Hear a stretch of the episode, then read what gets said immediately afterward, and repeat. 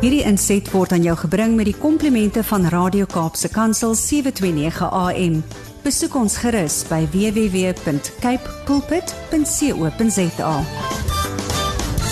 Time for Zanti Swanepoel and her story. We can't wait. We're excited. She's standing by. Oh, here she is.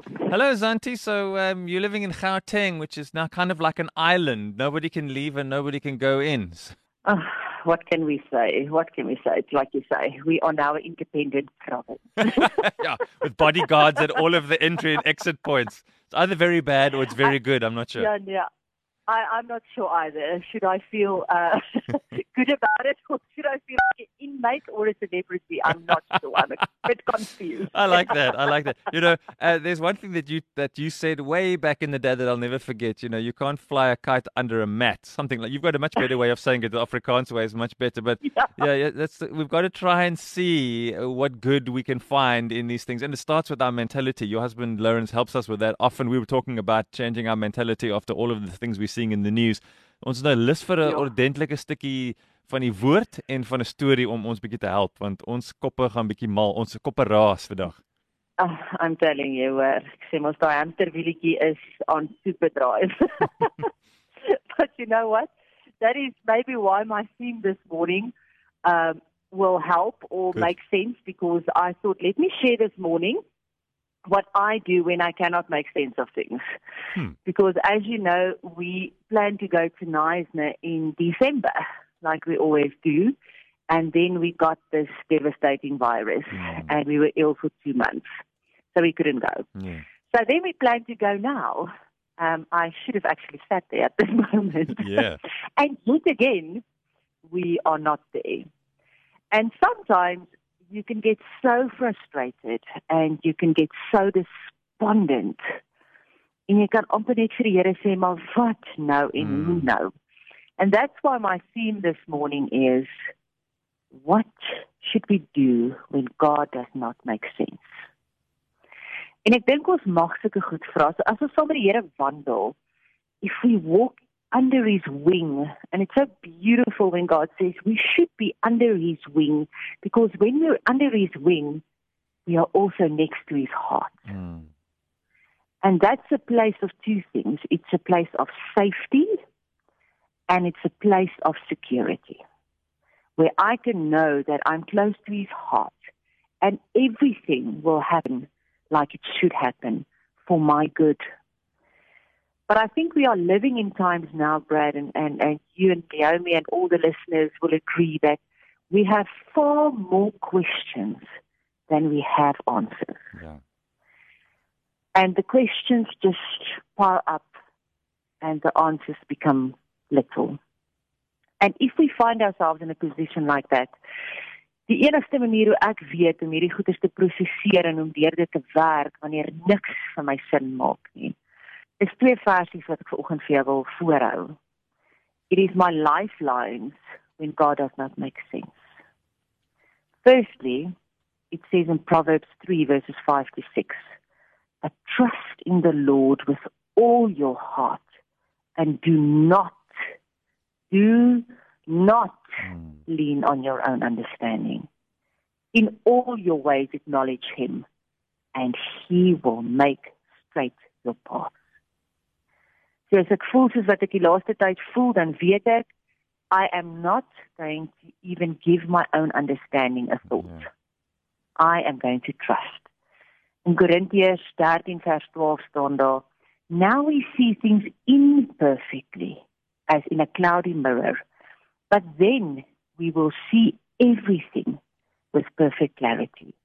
All that I know is partial and incomplete, but then I will know everything completely, just as God knows me completely. So te midde van al hierdie storms, te midde van al hierdie vrae en die min antwoorde, I have to know that everything I see, everything I know, everything going on around me, I see imperfectly, I see partial and incomplete. Mm. But praise God that I know Him. Praise the Lord that I know the one who sees it complete. fully understands everything and I can trust in him.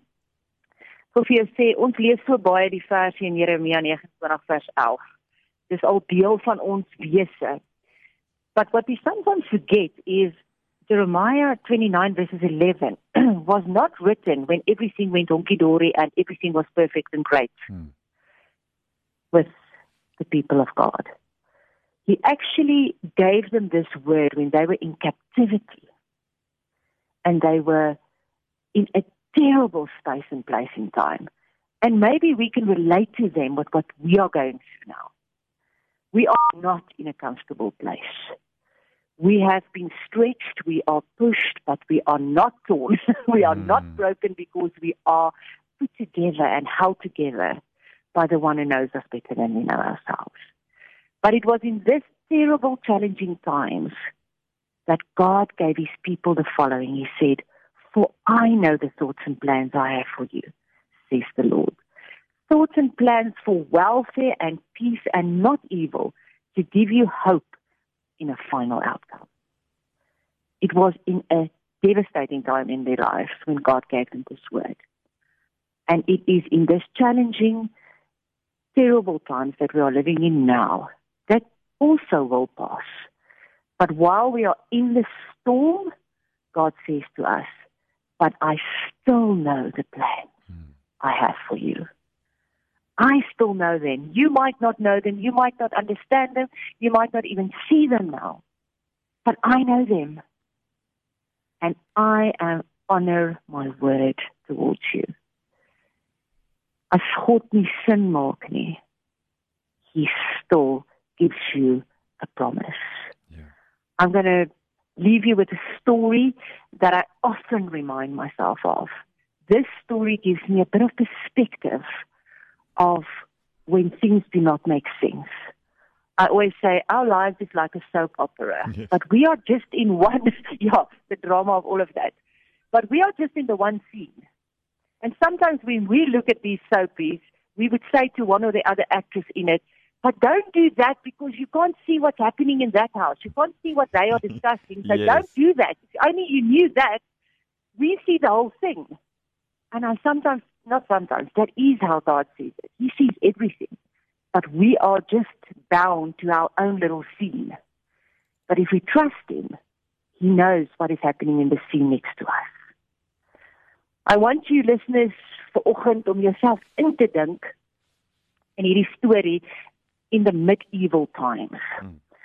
I want you to see a king of a huge kingdom and he's got a slave on his right hand side.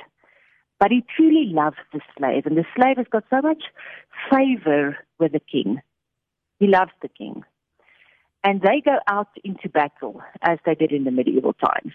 So they go out battle after battle, and they come back victorious.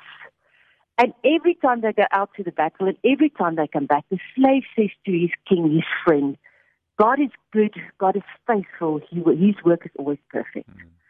And then the king comes back in a hour, you know, hosts a big celebration in the kingdom, stating that this is my slave, this is my friend, and I believe him that his God is good, his God is faithful, his God is always perfect and does nothing wrong.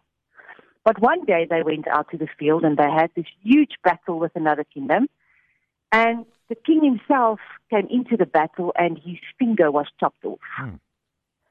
And he was, you can just think, not a happy chappy. Eh? Yeah. So he went back to the kingdom, terrible in, in thunder of anger.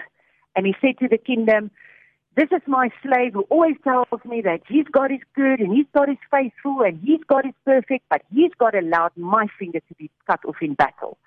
And I will put him in the dungeon until he dies. So he threw the slave in the dungeon with no food, just a bit of water, and he left him there. And then he went out on another battle without the slave. And in this battle, he lost his whole army. They were all killed, and only he survived. Hmm. And the kingdom that caught them had a tradition that if they catch the king, they offer him to their gods. So they made this huge firewood and they wanted to burn the king and offer him as a sacrifice to their gods. But then they noticed he didn't have a finger. And their gods don't take any sacrifice that is not complete. So they chased him away because he had no finger, one finger lost mm. or hmm. missing. When he got to his kingdom, he immediately took out his slave and he said, I am so sorry. He went on his knees before the slave and he said, I understand now why your God allowed my finger to be chopped off. Because if it was not for that, which I cursed him for, I put you in a dungeon for, I would have been sacrificed to their gods today. He says, but what I don't understand, my friend, is I've heard you every time I just listen to you in the dungeon. I've heard you sing your Lord's praises. You have no food, little water, pitch dark. How can you still say that your God is good and perfect and hmm. faithful if that is your circumstance? And the slave said, My dear king, my God is still good and faithful and perfect hmm. because I would have been in that battle with you. I would have been on your right hand side, and I have all my fingers. Sure. I'm going to leave you with that today. The slave's life was also saved because he would have been sacrificed in his king's place. And the finger was chopped off to protect his life. We do not see the end of this yet. But what we can know today is that everything and all things will work in our favor, even if it doesn't make sense. Even if you lose a job that you thought you would keep. Even if you lose your health that you thought you would keep. Even if you lose somebody you love that you thought would be healed. Difficult words. Words that are, I say it with so much respect. Mm because it's holy ground. But in all of this, our God is still faithful, is still good, and will work everything out in your favor. Amen.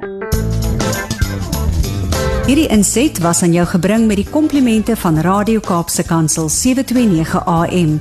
Besoek ons gerus by www.cape pulpit.co.za.